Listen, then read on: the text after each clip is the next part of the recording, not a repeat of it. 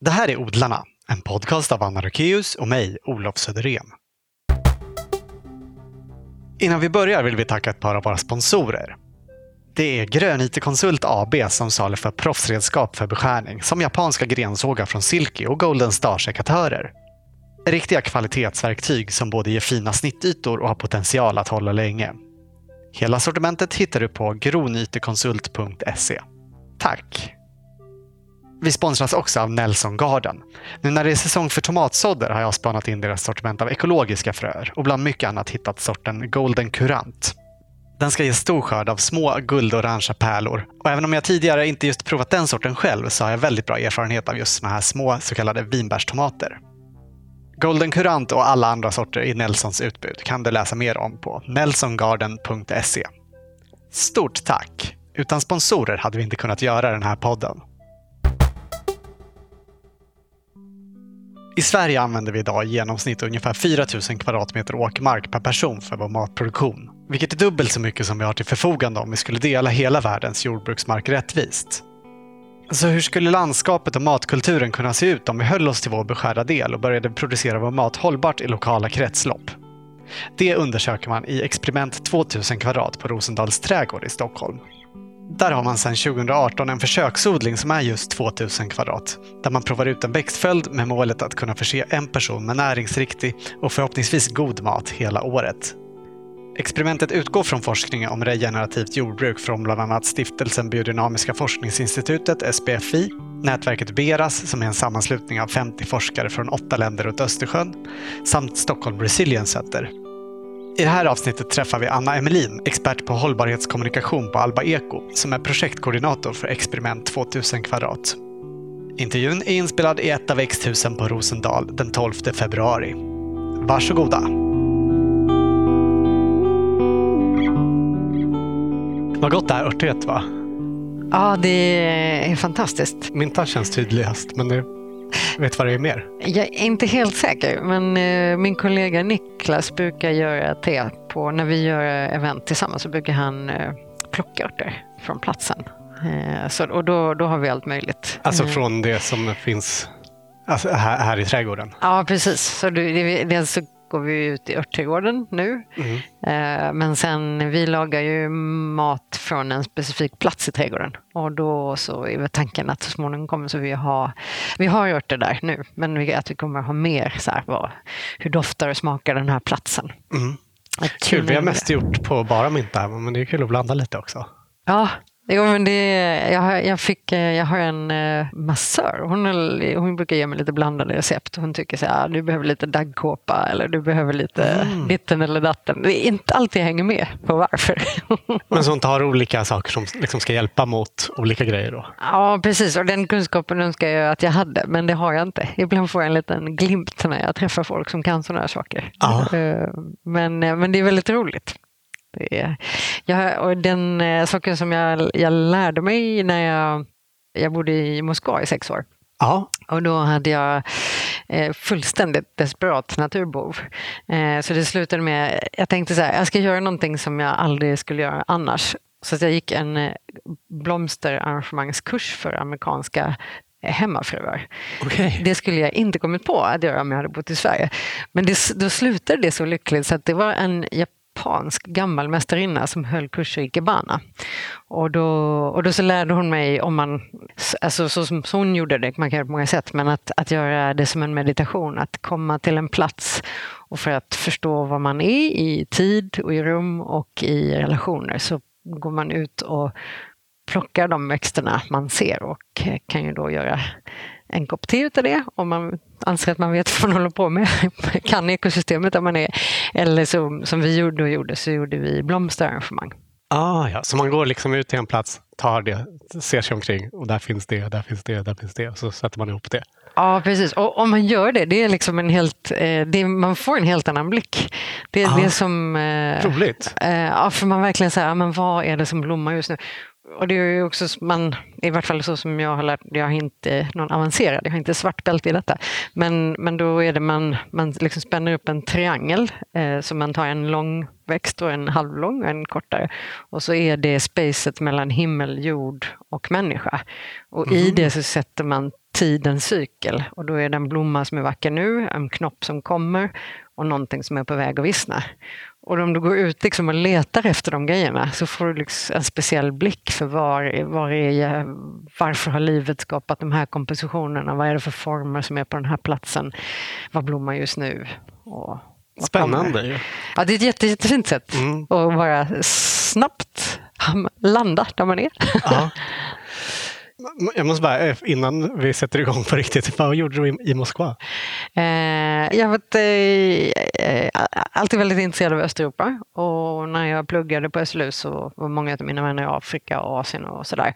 Men jag ville gärna ha kontakter med närmare, något utbyte med, med närmare kultur. Och vi har ju Östersjön gemensam så jag hade olika anledningar att vara i Polen mycket när muren föll och så. Men sen så mm, jag eh, blev tillsammans med en man som fick ett arbete i Ryssland.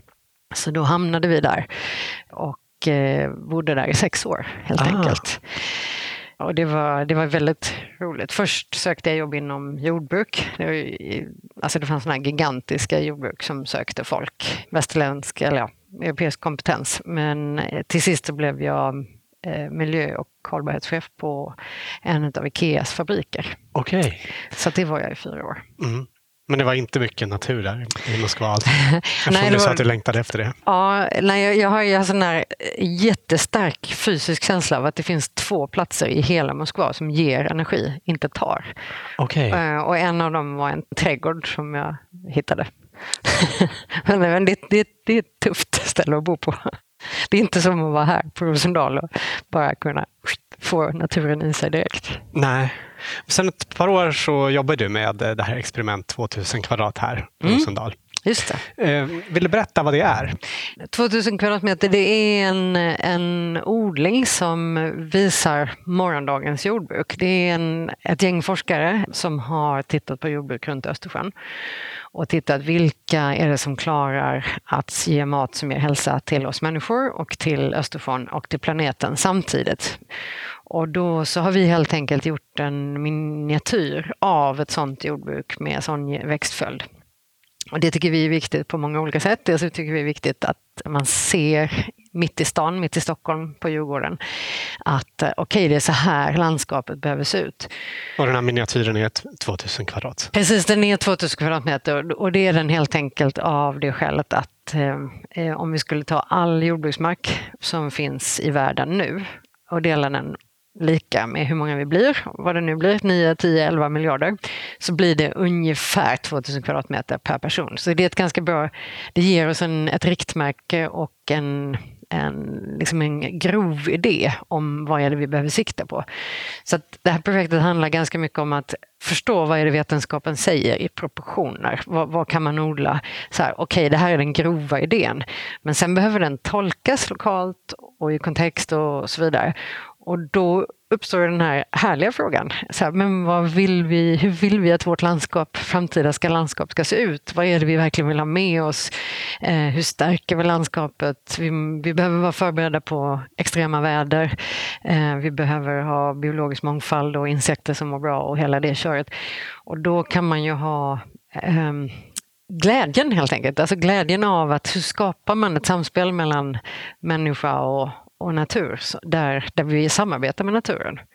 Och det tänker jag, vi, vi pratade lite om utbildning förut. Ja, just det, innan vi började spela in. Ja, och jag tänker att det, det är den utbildning som jag hade velat ha när jag gick på SLU.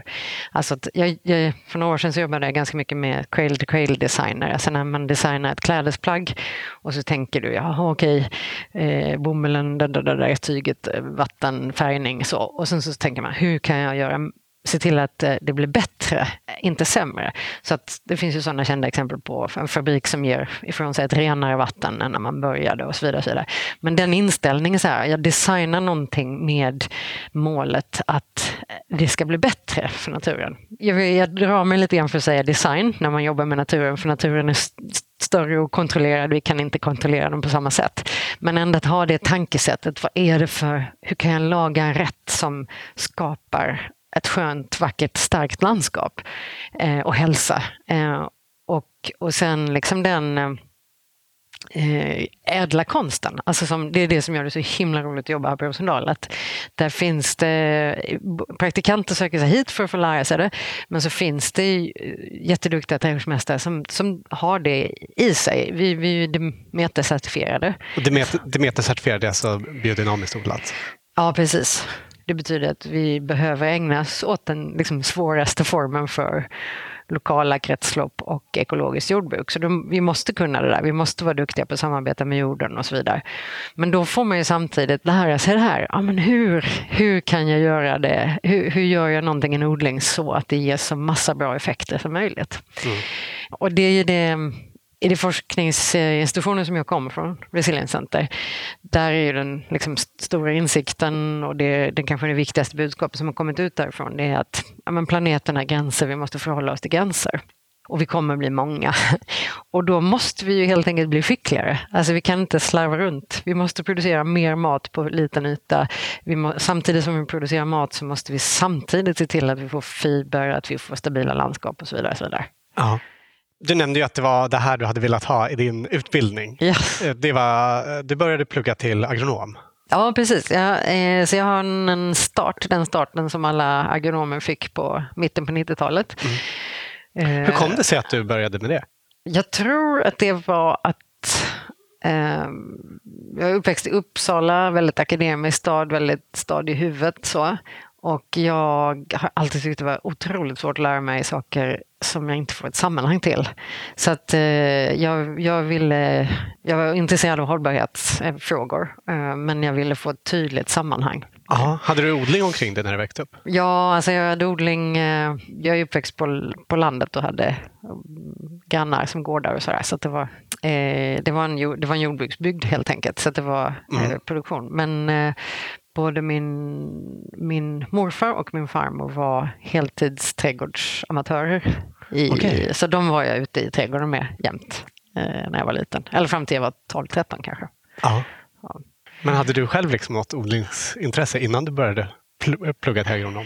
Jo, men det hade jag. jag hade, de, de lärde mig jättemycket och jag, jag anlade små trädgårdar eh, sådär när jag var, ja, men jag tror jag när jag var 12 första gången jag odlade grejer. Så. Men, eh, men jag har alltid varit, eh, vad säger man, andrestyr eller Jag har alltid haft en farmor eller en morfar som har haft väldigt eh, bestämda åsikter om hur det skulle vara. Hur, så att jag har lärt mig väldigt mycket och följt följt med väldigt mycket på, de gjorda gjort resor med trädgårdsamatörerna och skyddat farmor från tanter som skulle ha samma planta och sådana där saker.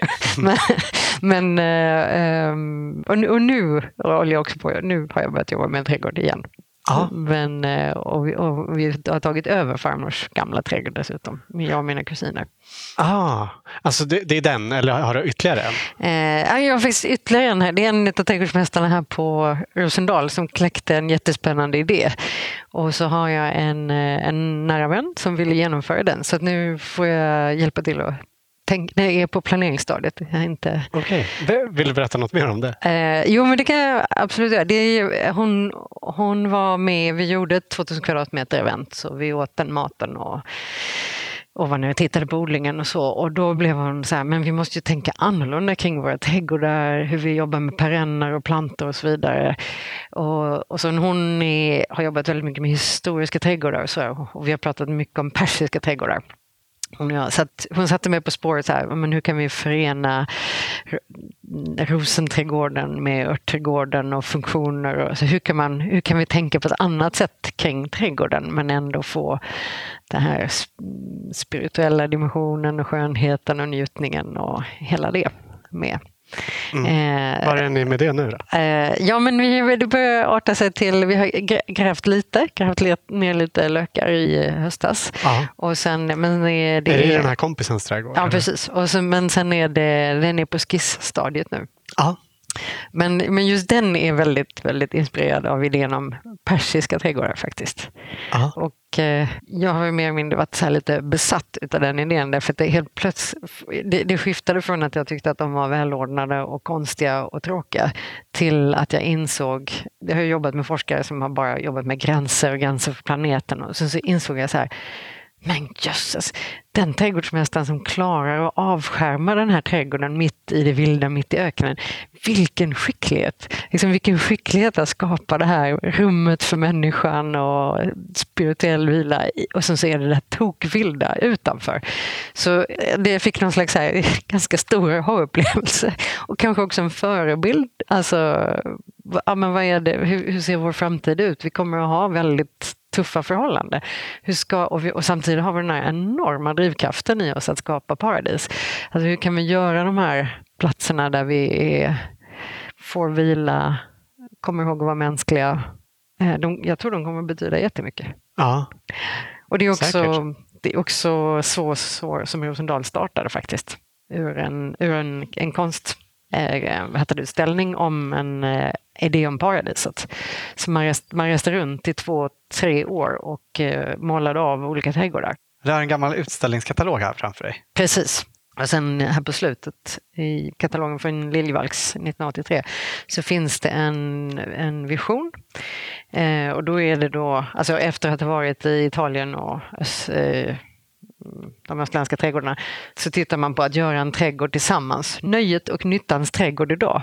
Så det är liksom folkhemmets version av paradiset. Det här är de alltså, klassiska svenska paradisen som vi nog kan relatera till. Den Astrid Lindgren, Täppan, Aha. Torpet, Täppan mitt i grönskogen. Och det här är mer som jag är uppväxt, Skånegården. Ja, just det, med slätt landskap runt om. Ja, precis, med det stora. Om man läser den här katalogen så blir man ju helt fascinerad. Det är ju en, en, alltså det, det är ju världens urkraft i oss att skapa paradis. Ja, så jag tänker, vad kul. Vet du om den där går att få tag i idag eller om den finns digitalt eller något sånt? Eh, Nej, den är lite begränsad. Jag tror man kan få låna den om man är snäll. Men eh, det finns inte så många exemplar kvar. Om det är lyssnare som eh, vill titta på den så finns det säkert på KB. Ja, det, det borde den göra. Trädgård till nöje och nytta. Precis. Liljevalchs katalog 1983. Katalog 83. Mm. Men om vi backar lite till de här persiska trädgårdarna som du då har fallit för.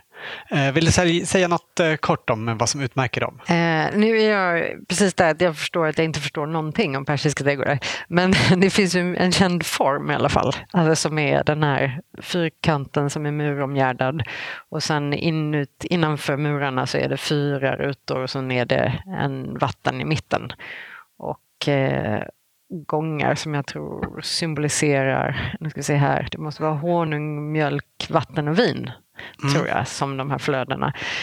Och sen så, jag har en persisk eh, väninna som har skrivit en novell om det här precis. Så att, eh, från att titta på den här fyrkantiga funktionen och vad finns var och hur funkar det med vattnet så har jag börjat förstå lite grann om vad symboliken med, med, med blommorna och men det är en hel värld som jag inte förstår helt enkelt. Vad Nej. de symbolerna Spännande. betyder. Ja. Du är uppvuxen i Uppsala, men du nämnde också något om en Skånegård som eh, du hade Ja, precis. Jag, jag, tills jag var 12 så bodde jag i en liten by i Skåne. Aha. Eh, mina föräldrar byggde ett eh, experimenthus på 70-talet tillsammans med en annan familj. Så eh, alla brukar tänka på att jag tror att jag har vuxit upp som är tillsammans, typ, filmen. Men det, jag skulle säga att det var ett högborgerligt mm. kollektiv med mm. Eh, solfångare på taket. Ah. Men eh, jag tror en sak som påverkade mig jättemycket, det, var, det här var under när kärnkraftsomröstningen var och så vidare. Och, eh, så granngården, det var två bröder som drev en gård. Och det, i vårt kök så var det liksom en otrolig glädje av att få idéer. Hur kan man lösa det här? Vi bygger en handpanna. Vi vill inte vara beroende av olja. Och så samtidigt som mina föräldrar startade en, den första miljöutbildningen i Sverige så vi hade alltid internationella gäster. Ah, var var det någonstans?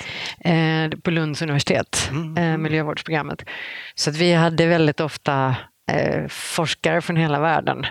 Eh, och jag, de bästa stunderna som vi har haft här på Rosendal med 2000 kvadratmeter experimentet har varit väldigt liknande. Alltså den här enormt, eh, bara så här, ah, men vi ska lösa det här. Och sen vi står praktiker och konstnärer och vetenskapsmän bredvid varandra och eh, det är liksom både lokalt och globalt och gemensamma problem.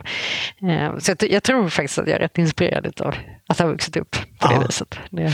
Men din farmor och farfars gård som då du och dina syskon nu har tagit över? Mm, det är mina kusiner. Dina kusiner sa du, förlåt. Ja, precis. Eh, var, var är den någonstans? Den ligger i Blekinge.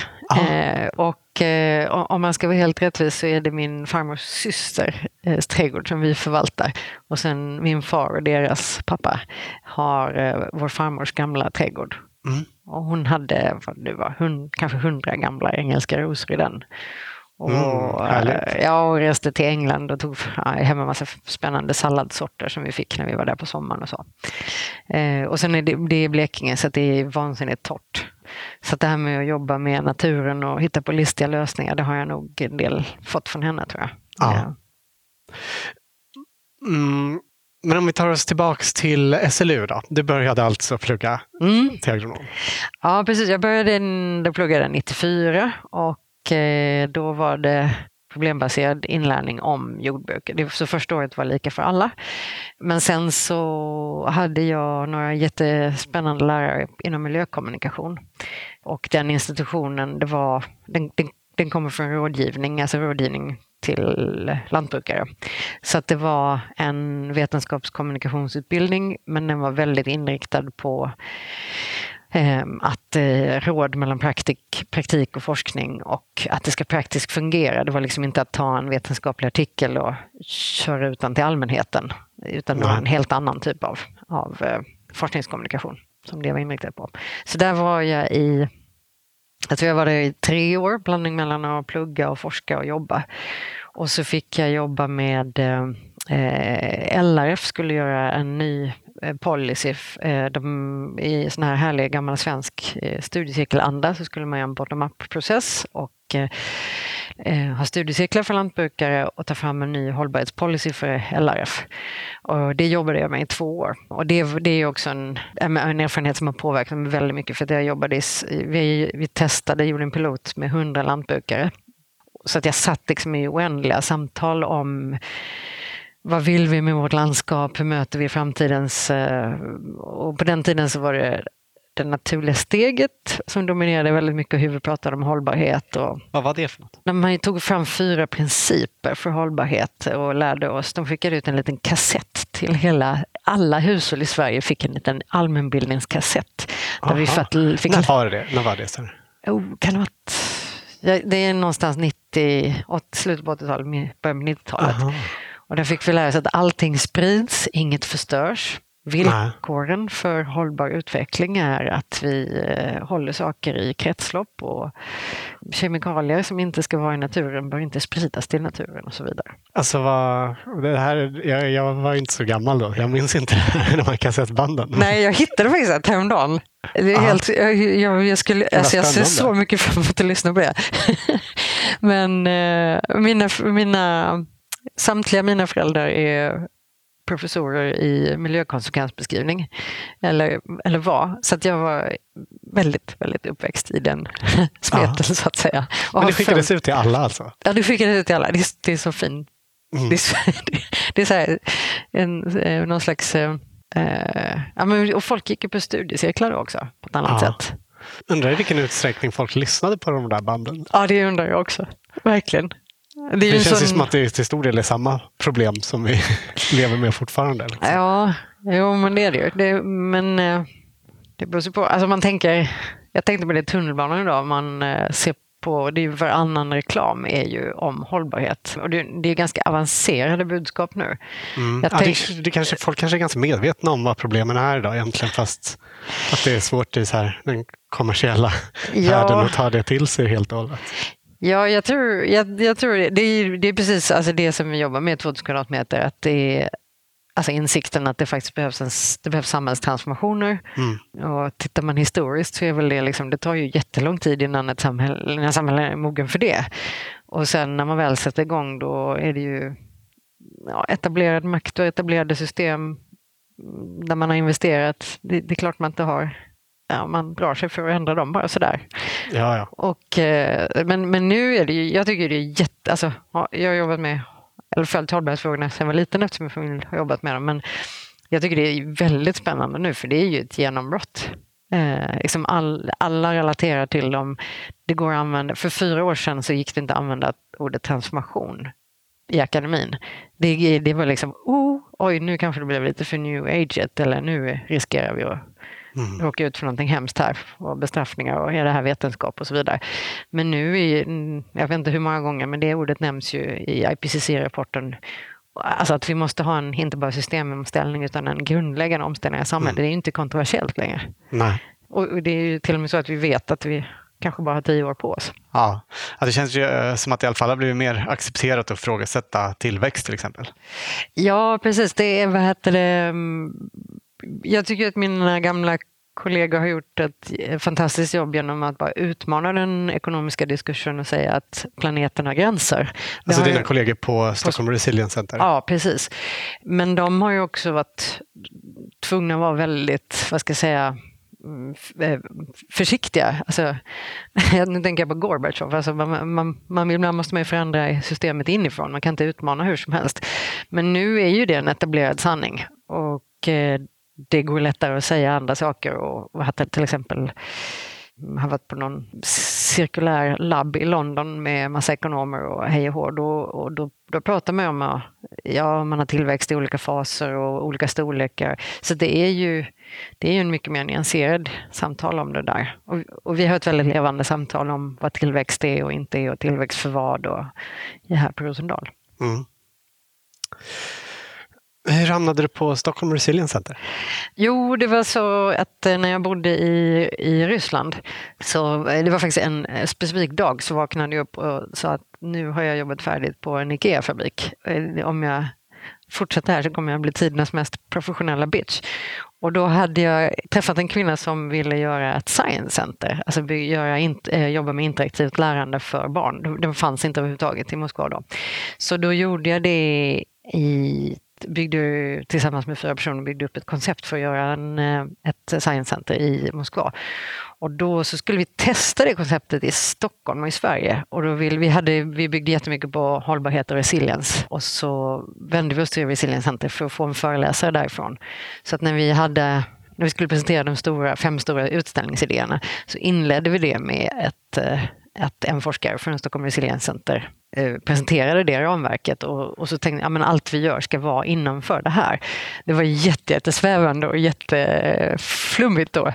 Men sen så, den personen som kom, eh, han, eh, när jag flyttade till Sverige så träffade jag honom en timme efter jag hade landat och han har varit, han har varit min chef sedan dess. Så, så, att det blev svårt att förklara. Men jag har jobbat med, jag började jobba med utställningar och kommunikation för eh, det finns en, en liten NGO som också startades av eh, forskningschefen på Kalle Folke på Stockholm Resilience Center. Alba Eko hette den. Eh, jag tror att det började med att han kompisar inom näringslivet sa men nu måste vi paketera den här kunskapen bättre, ta ut den i näringslivet. Och, så jag började på den här lilla organisationen och där är jag fortfarande. Ja. Och det är också så genom den, det är i den rollen som att säkerställa att vi står på en vetenskaplig grund och hur man kommunicerar så att man får systemisk förståelse och så vidare. Det är det som är min roll här på Rosendal.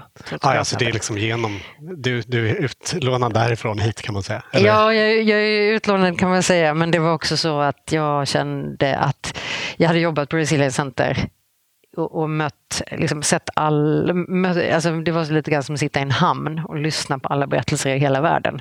Och det var ju berättelser från världens ledande hållbarhetsforskare. Så till sist var det så här, nej men nu måste vi göra någonting. Och sen också att det är så svårt att ha någon slags, alltså i akademin och inom hållbarhetsforskningen så det har, det har varit en tid av att få genomslag, lansera sätt att tänka och så vidare. Men nu måste ju de där alla begreppen, det måste ju bli konkret handling. Vi måste, vad betyder det när man tar ner det på jorden och lokala platser? Liksom.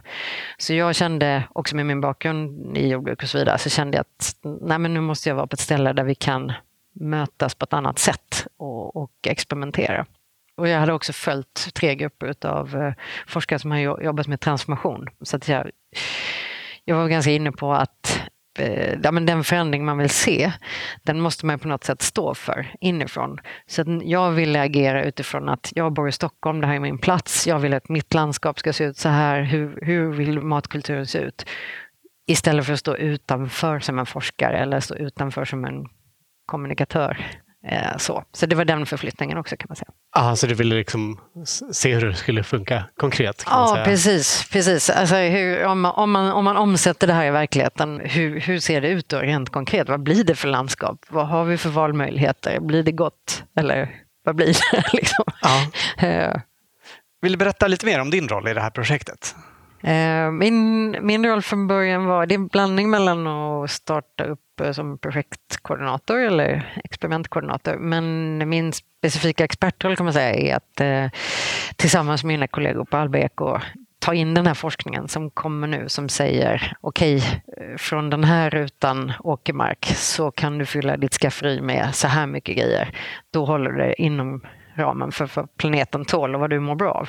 Så att det är dels att föra in den forskningen så att den blir så konkret för våra kockar. Att, att liksom så här, okej, okay, från havet kan vi ta det här, från skogen kan vi ta det här, från ängen tar vi det här och från åken som vi då illustrerar och har börjat odla så har vi det här. Mängderna. Och då blir det då blir det, det uppstår en massa frågor där, så då är det lite återkoppling till forskare och se till att det blir dialog där. Och, och den har precis börjat, men den kan bli jättespännande. Och sen handlar det om, eh, Rosendal besöks av ungefär en miljon människor per år.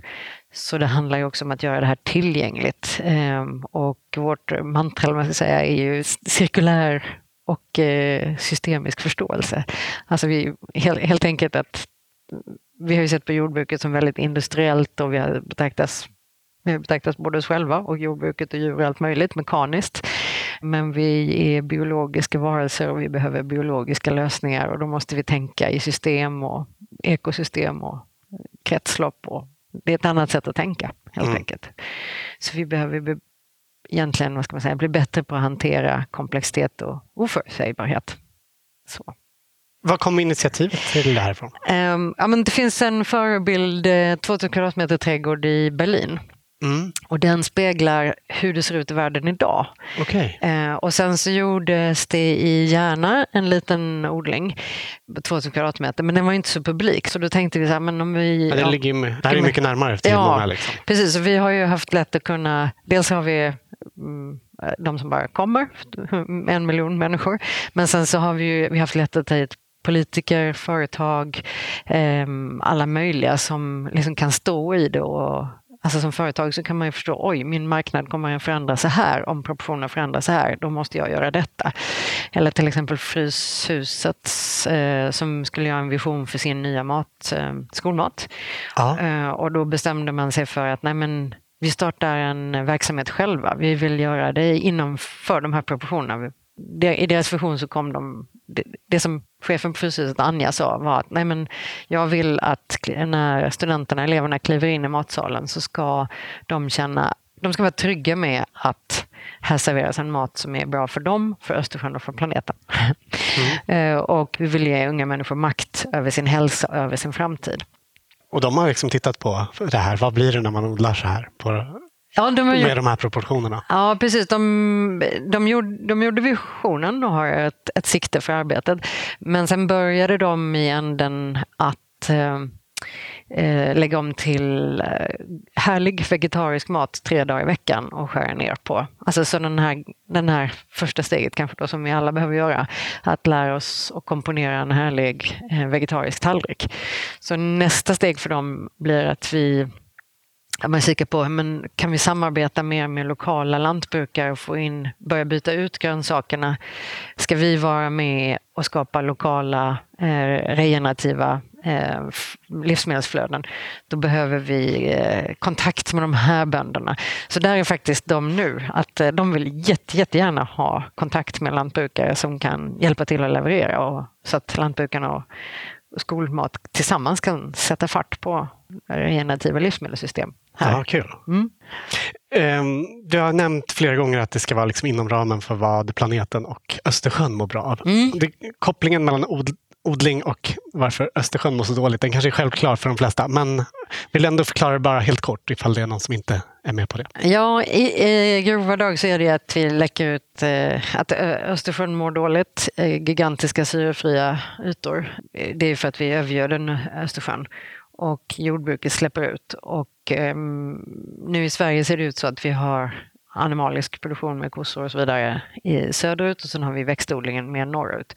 Och, och då har vi, när vi delar upp det på det viset så att gödselfunktionerna inte hamnar på åkern och vi använder konstgödsel för mm, eh, Exakt, det är för dyrt att transportera kogödsel dit man har växterna ja, och därför så precis. använder man konstgödsel istället. Ja, och då får, så vi får inte helt enkelt till lokala kretslopp.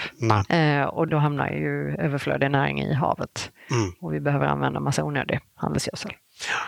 Och det leder till att det blir en okontrollerad tillväxt av, av eh, alger och växtplankton som sen dör och gör bottnarna syrefria. Just det.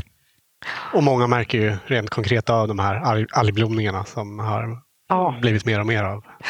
Ja, precis. Det, så det, är ju, det är ju väldigt konstigt att bo i ett land som liksom har så bra rykte vad det gäller miljö och så har vi världens skitigaste innanhav. Liksom. Vår backyard det har vi inte lyckats ta hand om. Det är väldigt konstigt. Mm. Ursäkta avbrottet, men odlarna har ytterligare ett par sponsorer som jag vill tacka. Det är jordnära tunnelväxthus. Förutom just tunnelväxthus har de också smarta bevattningssystem, växtbelysning och en hel del annat. Gå in på jordnära.se så hittar du alltihop där. Jordnära med GJ. Stort tack Jordnära! Det här avsnittet sponsras också av Dalslands folkhögskola. Har du en dröm om att ställa om till ett hållbart liv och kanske flytta ut på landet men känner att du behöver mer kunskap för att våga ta steget? Då tycker jag att du ska kolla in den nya kursen Det goda livet för en hållbar framtid. En ettårig kurs som börjar på Dalslands folkhögskola till hösten. Utbildningen ger dig både praktisk och teoretisk kunskap som är bra för att leva ett ekonomiskt, socialt och miljömässigt hållbart liv i landsbygdsmiljö. Läs mer om kursens innehåll och hur du ansöker på Dalslands folkhögskolas webbsida dals.fhsk.se. Stort tack till våra sponsorer för att ni är med och gör den här podcasten möjlig. Det här som du var inne på med Fryshuset, att de titta på hur de kan samarbeta med lantbrukare. Är det liksom det du ser framför dig, att företag eller skolor till exempel då, skulle kunna göra avtal med eh, lantbrukare om att odlar ni det här på det här sättet så köper vi det. Alltså så att odlarna vet att de Eh, få det sålt helt enkelt. Ja, precis. Men jag tänker att vi har, vi har så här behöver landskapet se ut. Då har vi ju massa ingredienser. Men de ingredienserna måste ju vara i vissa proportioner för växtföljden. Eh, vi behöver baljväxter som får ner kväve och vi behöver en viss del spannmål och så vidare. Eh, men om vi då eh, om vi tänker att, att vi får en matkultur ett skafferi för Östersjön som, eh, som blir mer och mer tydligt. Alltså så här ser Östersjöskafferiet ut. Då går det ju också att göra kontrakt med lantbrukare. Och då kan man inte kanske, om, om ett stort företag tänker att eh, jag ska bara ha spannmål till mina mina härliga frallor. Liksom. Men om man inte tänker så, utan man tänker ja, men på frallorna så har jag en eh, någonting gjort på svensk gråärta Ja, och sen så har vi de här eh, grönsakerna på och så vidare. Då kanske man kan göra ett helt annat kontrakt som ger lantbrukaren chans att göra nya växtföljder. Så det är det det är det som är liksom så här, handeln, företag, eh, det är det som någonstans det kan man inte som, jag tycker inte man kan begära att en konsument ska tänka så. Utan jag tycker att det måste vara precis som när man gör en bra teknisk produkt, dator eller vad som helst. Det måste ju vara andra som tänker på hur ska det här systemet gå ihop vad är elegant design? Mm. Vi är ju något slags litet experiment, nästan ett konstnärligt experiment. Men vi kan ju ändå bjuda ut, vi kan ha IKEA stående mitt i odlingen och så kan vi säga så här behöver det se ut om ett antal år. Ni serverar 600 miljoner måltider per år. Om ni funderar på vilka kontrakt som lantbrukarna behöver här runt Östersjön, då kan ni göra en jättestor förändring. Och ett jättestort gäng lantbrukare har en chans att börja jobba på helt andra villkor än vad de jobbar med idag. Mm. Cirkulära kontrakt för lokala regioner tror jag kommer att bli någonting. Men det är det som jag har nördat ner mig i precis tillfället. Så det, där uttrycker jag mig inte tydligast. Regnar det? Ja, smattrar lite mot växthustaket där. Ja, Eh, om, om vi vill att bönderna ska göra en kontrakt med naturen och med sitt landskap, då måste de få en chans att få ihop växtodlingen. Eh, och då tänker jag att en av de grejerna som är lite galna, det är att eh, när vi säger att någonting är klimatpositivt, då kan man köpa en råvara på ett ställe och så kompenserar du på ett helt annat ställe i världen. Det tror jag, jag, jag tror att vi behöver en nästa generation av klimatkompensation. Mm. Och som kanske inte För då tar man ju egentligen ännu mer mark i anspråk. Bara. Ja, ja precis. Alltså, det, inte, det behöver inte leda till att vi gör den här transformationen till regionala eh, regenerativa livsmedelssystem. Utan, utan att företag då också antar den här kreativa utmaningen att okej, okay, hur får vi ihop det inom de här proportionerna, inom de här gränserna i den här regionen? Mm. Eh, alltså, även om man är ett globalt företag så kan du gå in och ta ett regionalt ansvar. Eh, och, och, det tror jag är, det är ju väldigt, det är väldigt spännande för globala företag att börja tänka så. Ja. Eh, att det finns ingen anledning varför man inte skulle göra det helt enkelt. Och, och bara för att förtydliga det här med klimatkompensation, det är inte bara så att man kan själv då kompensera sin flygresa eller vad det kan vara, utan det handlar också om företag som påstår att deras produkter är klimatneutrala eller till och med klimatpositiva. Ja, precis. Som, som till exempel Arla och snabbandskedjan Max har använt sådana påståenden i sin marknadsföring. Ja, precis. Det är, viktigt, det är viktigt att komma ihåg att när någon säger att det är klimatpositivt så betyder det inte att det är ett livsmedel, att de har stött ett livsmedelssystem som går ihop i regionala flöden. Och, och, då har man så att säga lyft ut klimatfrågan. Och för att klara de, alla de globala utmaningarna, eh, därför att klimatfrågan hänger ihop med massa frågor. Eh, alltså vi måste ställa om livsmedelssystemen, vi måste sluta använda konstgödsel och så vidare på, så som vi gör idag. Så räcker inte det, utan vi, vi måste ta ett steg till. Jag tänker att företagen och eh, lantbrukskooperationen ska vara modiga där och gå ut och börja experimentera med kontrakt. Nya typer av kontrakt för regionala samarbeten. Ja. Det är liksom en del att företagen kan ta en bit av ansvaret, men jag tänker att det kanske också för att vi som, kanske framförallt vi som privatpersoner ska ta ansvaret, för vi har ändå väldigt mycket av den mat vi äter själva. Liksom. Mm. Eller lagar mycket av den själva. Så kanske det krävs politiska styrmedel också för att dra oss i rätt riktning. Ja, jo det gör det ju. Det är ju det att eh, jordbrukspolitiken och EU-bestämmelserna är ju så tunga att förändra. Så att eh, Ja, jag, jag tycker det är spännande till exempel med alltså om man inte fick använda så mycket socker. Alltså tog man beslut kring det så skulle vi det lösa ganska många saker. Jag tänk, ja, det finns en massa kloka beslut som politiken skulle kunna fatta och det finns en massa kemikalier som bara ska bort helt enkelt. Mm. Men, men, men eh, vi använder dem och det är så som agroindustrin ser ut nu så är det, alltså vi har ju rört oss i en utveckling att vi har väldigt få sorter Eh, väldigt få sorters grönsaker. Alltså vi har ju hållit på så himla länge med den här utvecklingen att det, det är ju en, kanske en skuta man inte vänder på en natt. Särskilt inte politiskt. Nej. Ja, men för, för som det är idag så känns det lite bakvänt att liksom mycket som kanske inte är så bra för varken oss själva eller eh, för miljön. Du nämnde sockret till exempel, så, som, liksom, som vi egentligen inte behöver. Ju. Mm.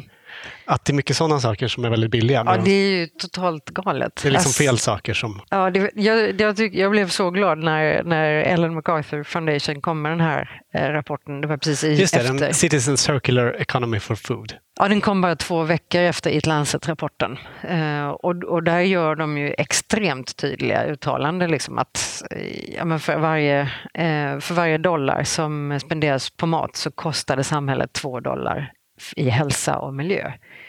Och det som vi försöker kommunicera i experimentet det är eh, ta hand om din ruta. Och om man då tänker som konsument så är det så att du har de här 2000 kvadratmeter. Våra unga har blivit ut, itutade i att göra negativa fotavtryck och så vidare. Men man kan ju vända på den steken och så kan man säga du har 2000 kvadratmeter som du kan ta hand om. Just det, och det kan man göra som konsument. Vi mm. kan ju passa på att betona att tanken är liksom inte att alla ska ha sina 2000 kvadrat som man odlar själv, utan det här tänker ni att det ska kunna skalas upp till större jordbruk.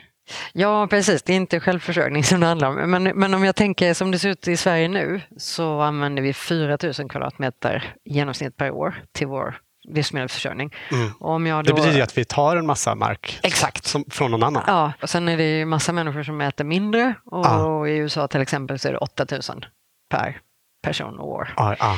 Men den siffran är ju rätt spännande för den säger någonting väldigt tydligt om hur stor förändring vi måste göra. Men sen kommer ju frågan direkt hur? Och då, då, är, då är det en massa svåra frågor. Ja. Och det här hänger såklart ihop mycket med den globala ojämlikheten. Liksom att eh, arbetsintensiva grödor de blir mycket billigare att köpa från länder där, lönen, där lönerna är lägre. Medan det här kanske blir mer lönsamt att odla sånt som kan effektiviseras genom att använda storskaligt jordbruk med hög användning av fossil energi och konstgödsel till exempel. Ja, precis. precis. Och då går ju det ganska mycket ihop med liksom det, det, som vi var inne på tidigare. Sånt som kanske inte är så bra för varken planeten eller för oss. Eh, vi gjorde en intervju med Karin Jansson för ett par år sedan och hon, hon sa det ganska bra. Hon sa att det vi ser på svenska åkrar det blir i väldigt hög grad till kött, mjölk och sprit. Mm. Mm. Och alla de grejerna är ju sånt som vi faktiskt inte behöver utan snarare skulle må bättre av att äta mycket mindre av. Ja, jo precis, det är det som är grejen. Att, att om man tänker så här, de vackra landskapen, de ger faktiskt den maten som vi mår bra av. Det är väldigt intressant. Men eh, det beror på naturligtvis vad man tycker är vackert. Men, men, eh, men, men alltså, den, eh, den, alltså de här stora monokulturerna med, med spannmål jättelika fälten, det kan man naturligtvis tycka är vackert. Men, ja, men det som du säger, det går ju till foder och det går till, i Sverige så odlar vi mycket till, till till sprit faktiskt. Det, det är en väldigt rolig grej som när, när vi har haft ett eh, ett stort svenskt spritbolag och ett, ett mindre distilleri som stod eh, samtidigt i den här 2000 kvadratmeter odlingen. Och, eh, och då så sa ju vi rakt ut att nej men det går, alltså den här ytan som vi har, vi kan inte, hal, halva ytan odlar vi vall och där ja. får vi ner näringsämnen i jorden och halva ytan tar vi upp näringsämnen som måste bli föda det kan inte gå till foder och det kan faktiskt inte gå till sprit heller. Så att den här affärsmodellen som ni kör, den får inte riktigt rum inom det här framtida landskapet. Men då naturligtvis så ser man människans fantastiska kreativitet, nämligen att eh, ja, men sprit vill vi ha. Så då en, några veckor senare så ringer ett litet destilleri och säger att ja, men det där ogräset som ni hade i kanterna, gatkamomill, Eh, det har vi minsann satt igång att bränna sprit av istället. Mm. så att jag tycker det, det, det, är en ganska söt historia för det är så här, ja om vi inte behöver tänka då använder vi jättestora arealer till jättekonstiga saker. Om vi måste tänka då kommer vi på ganska listiga saker för kanske inte det exakt det vi behöver men det vi tycker om och tänker bestämt oss för det ska med in i framtiden. Ja, det som känns viktigt för en ser man till, ser man till att lösa på något sätt. Precis, och det är samma sak med socker. Mm. Vi har utmanat våra bagare på, ja men om vi inte kommer att odla sockerbetor här, okej, gör en kaka som funkar inom det här systemet. Det har vi också gjort. Och sen har vi haft vandringar där vi går, följer de olika ingredienserna. Ja. Jag tror faktiskt jag ska ta på mig jackan. För ja, det, det, det blir lite kall när man sitter still. Jag tror jag gör det också. Passa på att ta lite fika. Ja, jag blev också lite sugen. jag tar en kaka jag också. Jag ska testa den här. Vill du berätta mer om vad som odlas här på era 2000 kvadrat? Eh, ja, eh, nu vet jag inte vad vi kommer att odla i år. Men vi har odlat, um, halva ytan är som sagt vall och där har vi olika grässorter och um, klöver och lucern. Och det är för att få ner kväve i jorden såklart och få binda mycket kol. Den ligger i, i tre år ungefär. Mm. Och vi har lärt oss på senare tid att det finns efter tre år då pikar kolinlagringen om vi har förstått det rätt. Så det är viktigt då. Och sen så, den andra sidan av vallen är att vi samarbetar med Skansen. Vi får gödsel därifrån, men de får också fodret. Mm, för tanken är att vall, den här vallen från den ena halvan, det blir till djurfoder. Ja, precis. Och så får man in en liten del kött i de här 2000 kvadraten. Ja, exakt. Så, så på 2000 kvadratmeter eh, åkermark och sen dessutom 500 kvadratmeter äng som vi har i det landskapet i Sverige, alltså där vi inte kan odla men vi kan ha bete. Per person alltså? Ja, precis. Mm. Då ska vi lyckas klämma in 0,1. Det ska, det ska funka till 0,1 ko per person. Mm. Så, och där, där har vi kikat på eh, Elin Rös forskning vid SLU. Så hon, hon kommer att berätta snart för oss exakta detaljerna från den rutan. Men, men just nu så har vi, tänker vi på det som 0,1 ko och hennes siffror är en liter mjölk per vecka och jag tror det är 80 gram ost, 40 gram smör, 40 gram grädde. Mm. Um. Det här gödslet som ni får tillbaka från Skansen då, är det också motsvarande en tiondels ko? Ja, Niklas som är eh, trädgårdsmästare, han sammankallade... Niklas Karlsson, som Niklas vi också har intervjuat tidigare i Odlarna. Ja, precis, precis. Niklas har räknat ut eh, hur många skottkärror det blir. Jag har för mig att det är siffran 13. Och sen så tänker han ju jättemycket. Han har ju en... eh, Jag, alltså hur det ser ut i huvudet. Jag har ett litet enkelt spel här framför mig med bara sex olika rutor. Ungefär så ser det ut i mitt huvud. Men i hans huvud ser det väldigt, väldigt mycket mer avancerat ut. Så var ska han lägga de här? Var gör de här gödslet bäst nytta? Och sen odlar han ju baljväxter naturligtvis i den här sidan där vi tar upp näring också. Och sen så, vi har behövt lära oss i flera steg eftersom här på Rosendal så är vi ju huvudsakligen grönsaksodlare. Så vi har inte erfarenhet av att odla spannmål och oljeväxter. Så förra året handlade väldigt mycket om att lära sig hur odlar man oljeväxter och hur tar man hand om det. Och sen också förstå hur mycket olja behöver vi få fram och vad är smart då? Så vi, vi har haft som källa till oljeväxter så har vi haft raps och vi har haft pumpa och lin och någonting mer. Ja men det ser vi att det är vettiga källor. Och sen så vad det gäller spannmål så har vi provat eh, eh, vad heter det, för det var under den här eh, torra sommaren 2018 så hade vi svedjeråg och fick verkligen uppleva hur stark den var. Alltså med, den är ju lång och ståtlig och vacker, två, tre meter hög vajar och sen lika djupa rötter. Och den mådde ju så bra jämfört med allting annat eh, under den där torra sommaren. Mm, häftigt. Ja, det var, det var häftigt att se. Och sen har vi ju så, eh, såklart tittat mycket på de gamla svenska eh, alltså gråärtor och sådana saker. Hummus och sojabönor och så. Det, om vi byter det till svenska baljväxter så får ju odlarna som sagt förutsättning att få ihop sina växtföljder på ett annat sätt. Mm. Och sen är det en massa, jag tror det är ett 25-tal spännande grönsaker som Niklas har odlat. Och du nämnde ju då att det ska vara ett regenerativt jordbruk. Eh, det har vi pratat om någon gång tidigare, men jag kanske, du, du var inne lite på vad det handlar om också. Men eh, vill du förklara begreppet, bara lite kort? Liksom? Ja, precis. Det, det ska ju eh, regenerera. Det ska, alltså, liv ska ge liv helt enkelt. Och, och då tänker vi ju, hur stöder vi naturen, hur stöder vi matjorden så att den tar så bra hand om sig själv som möjligt. Alltså genom att odla eh, baljväxter och, som får ner näring i marken och flyttar runt i växtföljd så behöver vi inte tillföra kemikalier och handelsgödsel. Så det gäller liksom att förstå sitt system och- så bra så att man kan få det att sköta sig själv med, med att, hur man tar hand om jorden och ju- genom valet av växter och djur. Mm. Och också att växterna och djuren är friska av egen kraft. Man pratar ju ofta om att göra minimal miljöpåverkan, men här är ert mål alltså att göra maximal positiv klimatpåverkan. Ja, precis. Kan man liksom få jorden att binda mer kol än om man bara hade låtit den vara natur? Eh, ja, det sägs att det är så. Att, Ja. att, att, liksom att om vi betar och väljer eh, vall och så vidare. Eh, och i somras här så träffade jag de svenska bönderna som jobbar med regenerativt och fick lära mig hur man bedömer en vall och vad man tittar på och, och hur regenerativ man kan säga att den är. Och det är ju på gång certifiering och sådana saker inom det. Det, det, kommer, det kommer att vara en jätteviktig grej i framtiden att land, alla lantbrukarnas uppgift att laga in kol. Mm. Helt klart. Borde man inte kunna göra det ännu mer effektivt utan att ta in djur i ekvationen? Ja, det är möjligt. En, men då har man gjort valet att fokusera väldigt mycket på klimatpåverkan. Och, eh, jag, jag tror att det är ganska svårt att få ett definitivt svar. Alltså det är så, jordbruk är så komplext. Så jag, jag tror att det är svårt att få ett svar. Men det som, det som vi återkommer till väldigt, väldigt ofta är alltså inte söka det optimerade exakta siffran utan så bara ungefär var behöver vi ligga. Mm.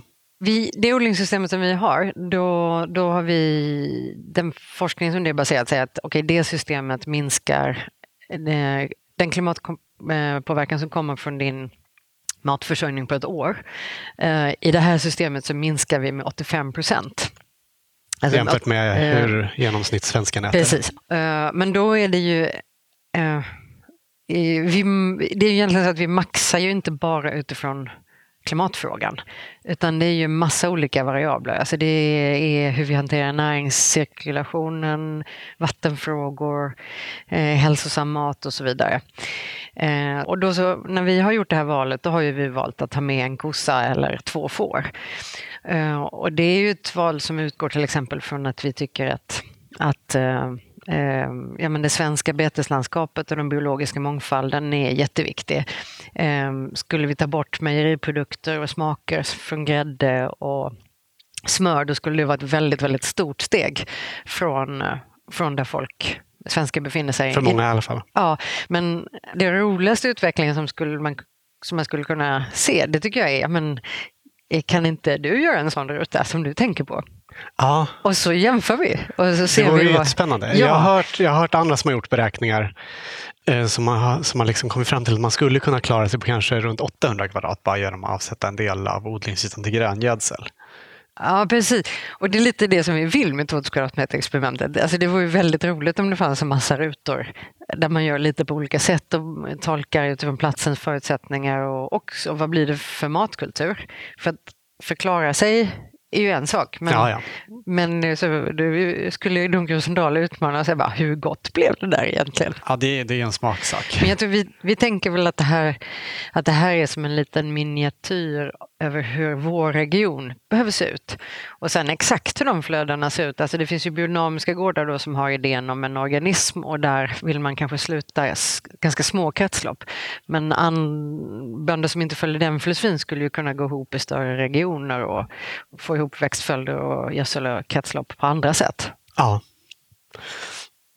Men om man vill göra ett eh, system där man har mer djur, hur gör man då med gödseln? För du sa ju att, de, eh, att man ska återföra då gödsel motsvarande det här vinterfodret som odlas på halva den här ytan. Mm. Fast jag tänker personligen om, att om man ska ha djur i jordbruket så borde de få ha möjlighet att gå ute året runt och då hamnar ju gödseln ute i hagen och inte i rännan inne i ladugården. Då blir det ju mycket svårare att, att ta vara på.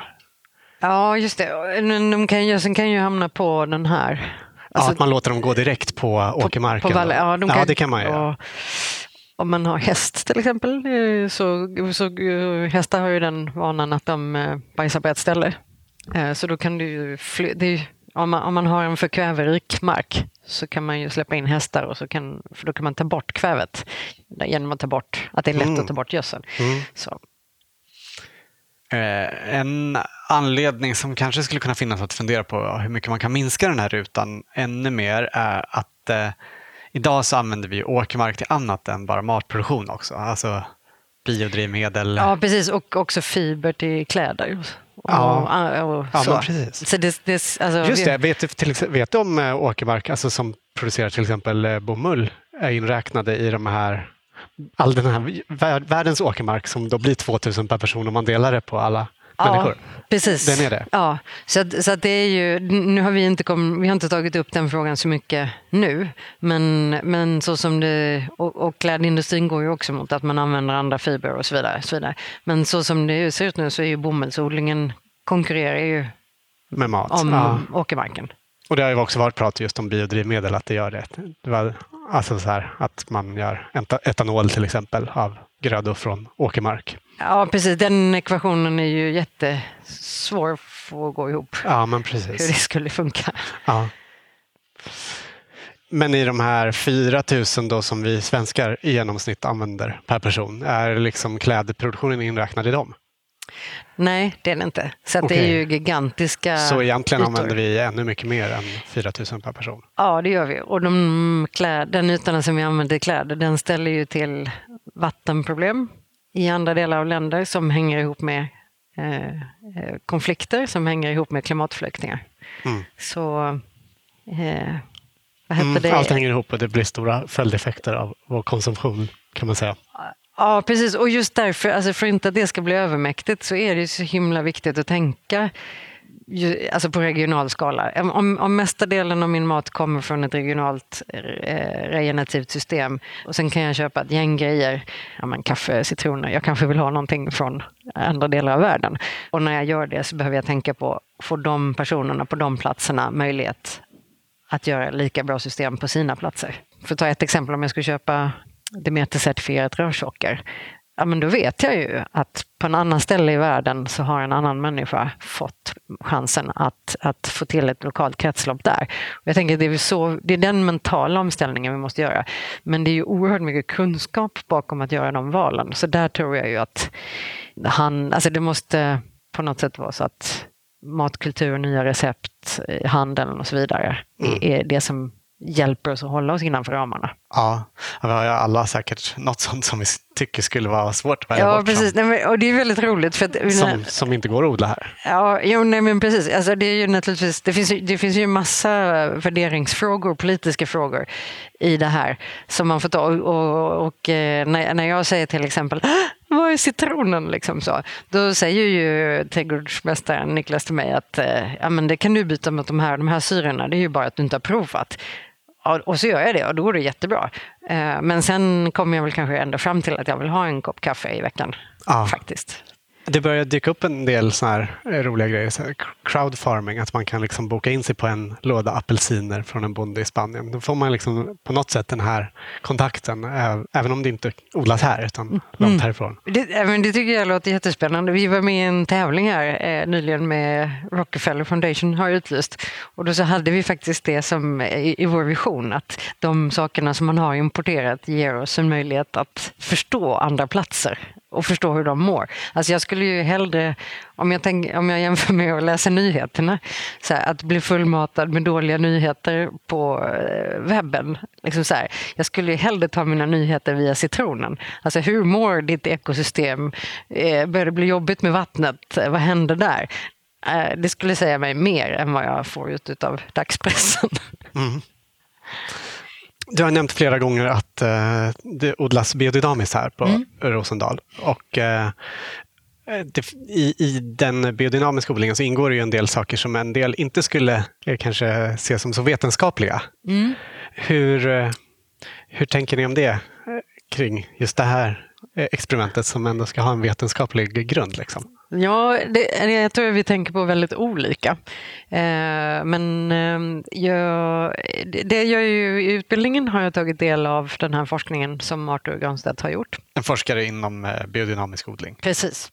Och i, vad heter det, när jag har jobbat på Stockholm Resilience Center så, har jag, så är det den forskningen som har gjorts där vid Stockholms universitet. Och eh, dels så ser jag ju hur de respektfullt samarbetar med varandra. Eh, det är jättesvårt att ägna sig åt forskning på, med helhetssyn och systemsyn.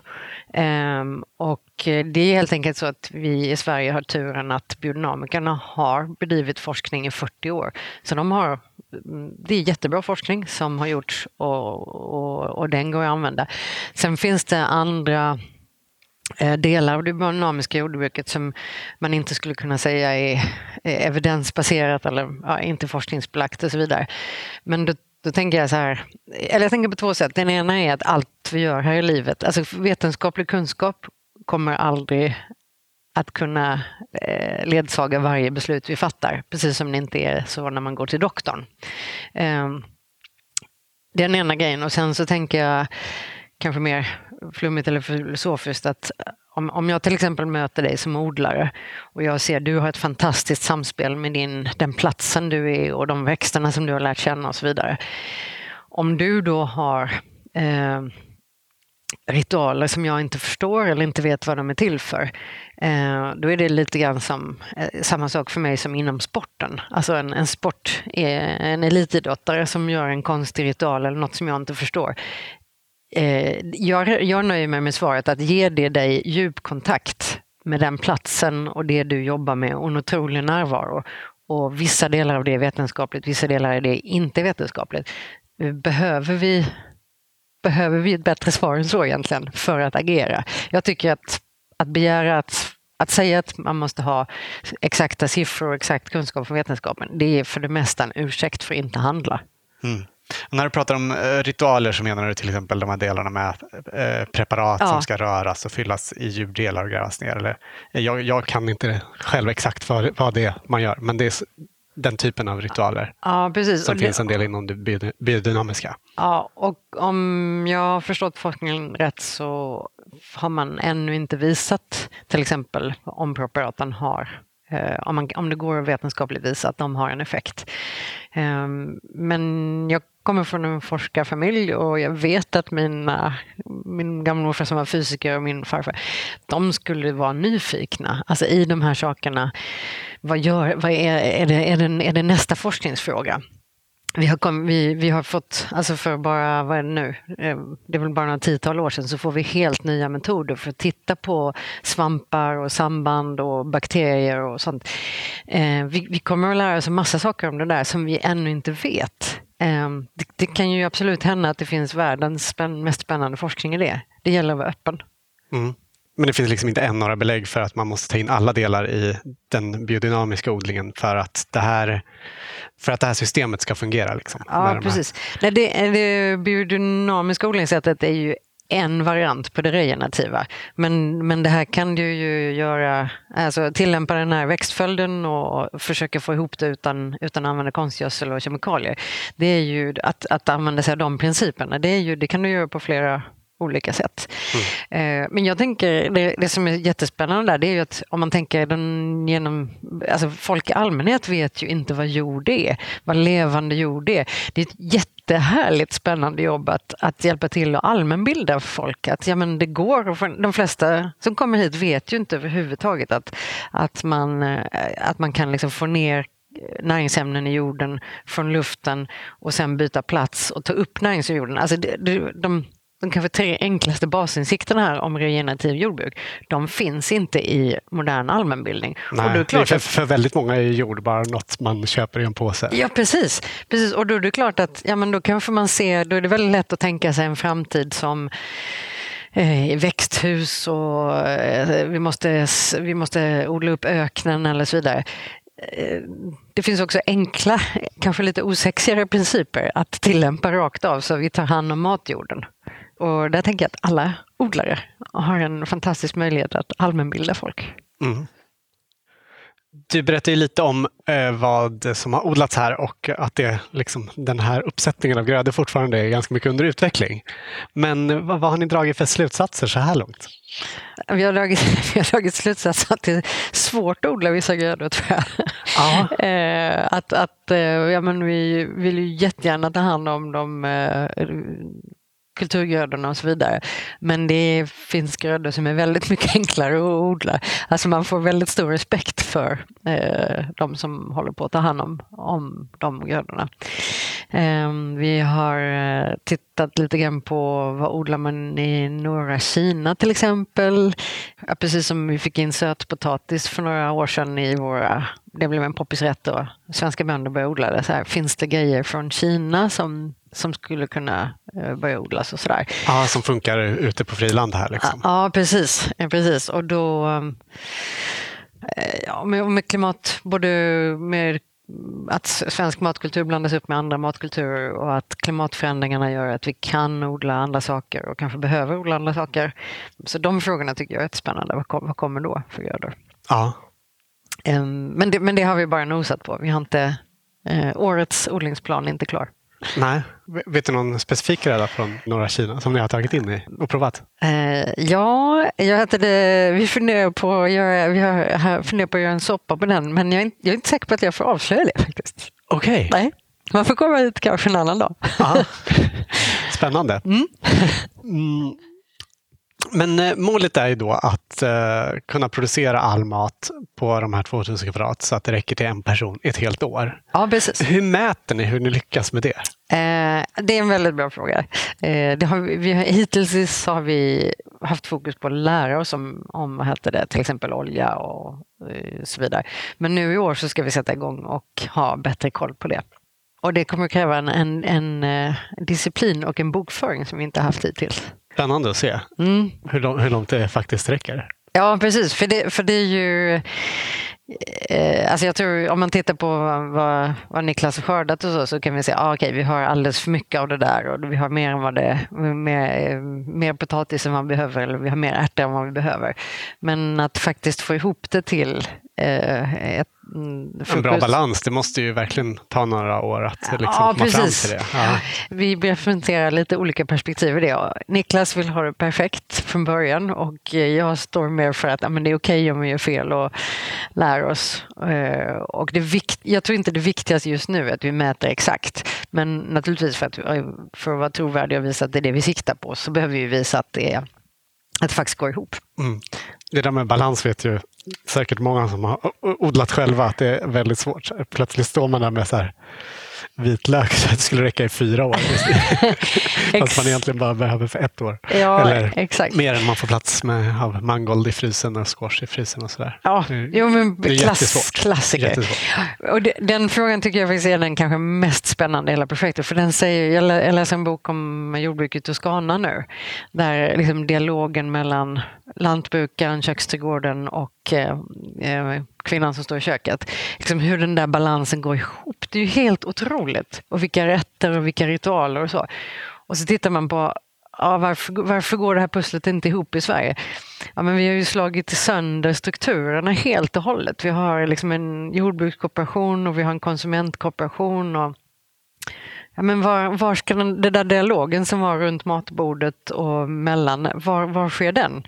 För att annars, annars blir det precis som du säger, då sitter man ju med bara vitlök eller ja. sjukt mycket ärtor. Ja, precis. Och de där bönorna som man tänkte skulle räcka hela vintern, det kanske blir två måltider. Liksom. Eller vad det nu kan vara. Det, ja. det är jättesvårt att ja. få en balans i det. Och, och hur, stort, hur stort betydelse skafferiet, jordkällan, att lagra på olika sätt så man kan ta fram det på olika sätt och så vidare. Hur stor betydelse det har. Ja. Har, har ni liksom bra möjligheter att lagra grödor här? Mm, vi har eh, en jordkällare ja. här. Som vi, det är där vi lägger in och bokför och så vidare. Och sen eh, så har våra kockar börjat förädla eh, nu den här sommaren när vi tog första skörden. Och så. Men jag vet att ni också har tittat eh, lite på hur ni kan ta in det här i menyn på kaféet här. Mm. Alltså kunskap från det här projektet i kaféet här på Rosendal. Just det. Hur, eh, vill du berätta något om det? Ja, alltså vi, dels har vi ju vi har gjort en eller två luncher tror jag, som, eh, där vi tänkte att istället för att göra en risotto så gjorde vi det på, jag tror det var på dinkel och på lokalost och ja, lokala råvaror helt enkelt. Så att det, det, har vi ju lite sådana experiment i kafémenyn som är storskalig. Men sen har vi ju haft ett gäng middagar, kanske jag tror att det är 30-tal middagar under året där vi har serverat precis det vi tror på och varit noga med proportionerna och, och fått till det här, de här nya maträtterna som vi tror kommer att ta sig hela vägen in i framtiden, få vara med i morgondagens matkultur. Har du något exempel? Jag, jag är vad heter det, djupt imponerad av en av våra bagare gjorde ett, ett bröd där han tänkte till. Han eh, la hela kon och lät dem groda lite så vi ha, behövde inte använda någon mjöl. Och det blev fantastiskt gott det brödet. Mm, och sen Ja, det har varit en massa goda rätter men den innehåller, det, jag tycker han, han antog utmaningen så coolt och genomförde det hela vägen. Ja. Det var fräckt. Kul. Mm. Och du nämnde också att eh, ni tittat på vad man kan ta in i den här dieten från det vilda och från havet. Mm. Men vi har också varit inne på att det är viktigt att ta hänsyn till Östersjön. Är det, no är det hållbart att ta någonting därifrån eller borde den få vara i fred så mycket som möjligt så att den får möjlighet att återhämta sig? Vi har faktiskt en föreläsning som tillsammans med en av våra forskare från Eat där vi kommer att ställa alla de här besvärliga frågorna från havet.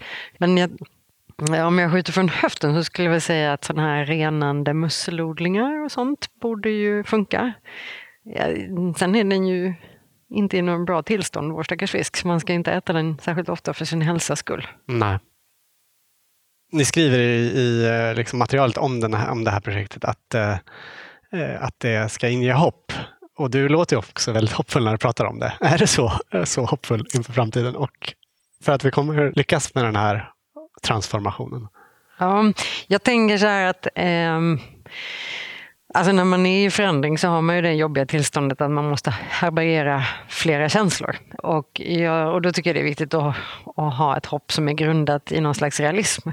Eh, alltså det som är så otroligt hoppfull nyheter från vetenskapen de här senaste åren, det är att det faktiskt är möjligt att odla hälsosam mat på ett hållbart sätt. Det är ett jätte, jätteviktigt budskap för att Eh, maten hänger ihop med alla de globala målen. Eh, det är ett sätt att hantera många utmaningar samtidigt. Eh, och sen är det ju dessutom så att det är en angelägenhet för oss alla. Det är inte abstrakt, eh, det är en demokratisk fråga, den är nära. Ehm, så att jag tänker att eh, att, att förändra världen genom maten. Dels, dels att det faktiskt är möjligt att ta tag i, i, de, i många av de stora svåra frågorna men, men också att det liksom, eh, engagerar oss. Det gör att det känns realistiskt. Det är bara en liten del av historien som vi har haft så här fruktansvärt korkade livsmedelssystem. Eh, jag litar på att vi vill både oss och planeten väl och kan tänka oss att i en så här allvarlig situation ställa om till någonting som är oerhört mycket trevligare som livsform. Det är det som ger mig hopp. Eh, det, skulle vi inte gjort tror jag om det inte hade varit kris, om det inte hade varit så allvarligt. Och sen är den här krisen eh, fruktansvärd och vi har ett litet bara ett liten tid på oss att tillvarata våra möjligheter. Och som sagt, eftersom jag har eh, suttit i den här hamnen med internationella forskare som har berättat för mig varje dag hur illa det är överallt, så har jag både och. Men jag tänker att eh, tittar man på mänsklighetens historia så har vi gjort fantastiska saker förut. Innan vi avslutar så tänkte vi återvända lite till ditt eget odlande. Mm. Eh, hur är det på de platser, de här trädgårdarna du, där du är aktiv idag? Odlar du mat där? Eh, det jag odlar på min balkong så odlar jag en eh, i mycket liten omfattning ja. små salladsblad som man kan skörda, men det är mest kryddväxter. Och de här andra odlingarna de är sådana här som måste få lite kärlek på distans. Så där blir det eh, sånt som bär och eh, sådana saker. In, ja. Inte inte de mest intensiva grönsakerna som kräver. Nej, apropå det, frukt och bär har ni inte på de här 2000 kvadrat än va? Eh, nej, det är inte, alltså det är ju alla kantzoner, integreringen i landskapet och så vidare. Där är det ju tänkt bär och mhm. frukt och så vidare. Mm. Och också att få in mer perenna, alltså agrofor åt agroforester-hållet. Men mm, agroforester kan ha sin plats i kantzoner tror vi, men vi tror till exempel inte att det blir tillräckligt mat om vi skulle göra om hela till agroforester. Så det, det här är ju verkligen ett system och ett landskap som behöver mogna fram över lång tid. Ja, för, för just agroforestry, att, åtminstone som en del i jordbruket, brukar ju många framhållas som en del av lösningen. Liksom. Mm. Det, och det tror jag också att det är. Och att, och att det, det, vi har ju, Niklas har ju planer på att börja experimentera med det. Och få in, och få in mer permanenta. Och, men, men framför allt att vi börjar tänka kanterna. Alltså, hur ja. jobbar vi med kanterna och övergångarna mellan landskap? Är det något mer som du skulle vilja att vi pratar om innan vi slutar? Det jag, det jag möjligen funderar på är hur, vi har, alltså från att vi startade med odlingen så blir det mer och mer tydligt för oss att okej, okay, vi har ett framtida skafferi, ett Östersjöskafferi. Och när till exempel It Lancet kommunicerar och när många andra kommunicerar, då är det ofta en tallrik, alltså det här är tallriksmodellen och så.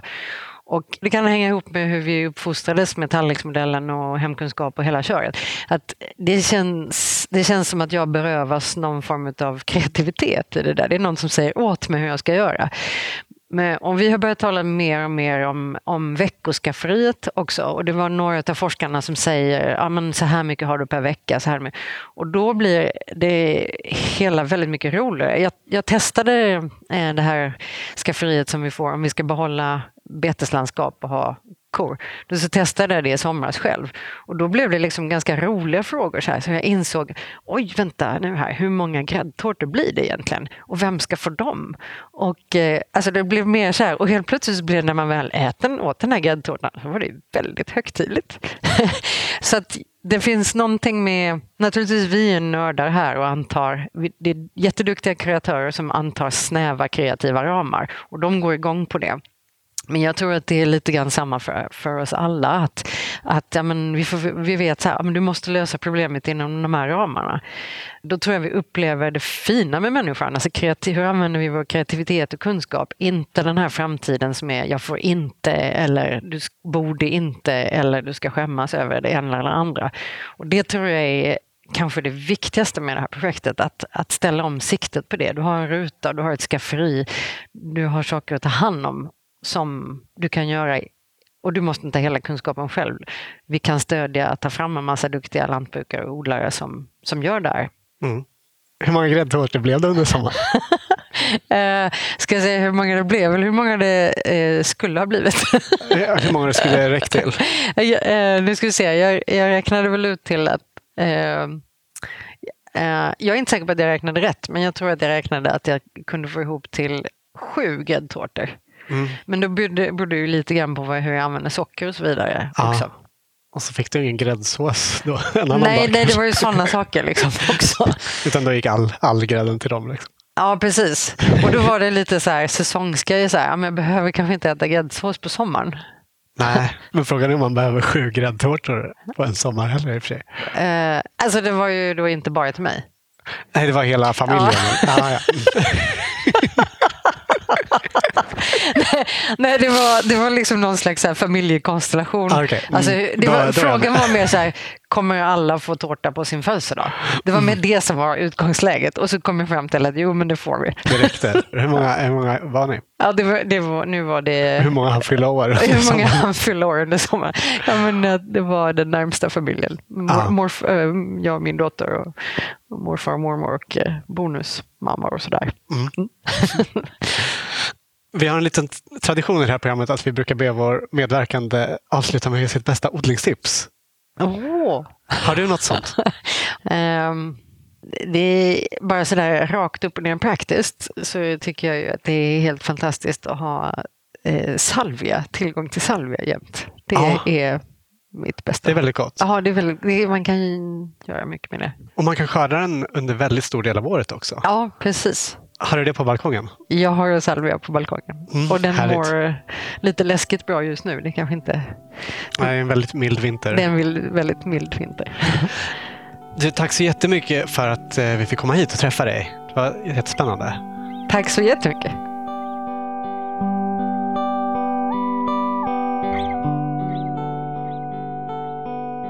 Du har hört Anna Emelin i Odlarna om du bor i eller har planer på att besöka Stockholm så är en tur till Rosendals trädgård en stående rekommendation. Glöm då inte att ta en titt på 2000 kvadrat-odlingen. Och oavsett besök där eller inte så är det riktigt spännande att börja fundera på vad man själv vill ha ut av sina 2000 kvadrat. Vi vill också uppmuntra till att följa Annas uppmaning att testa att odla upp en egen ruta.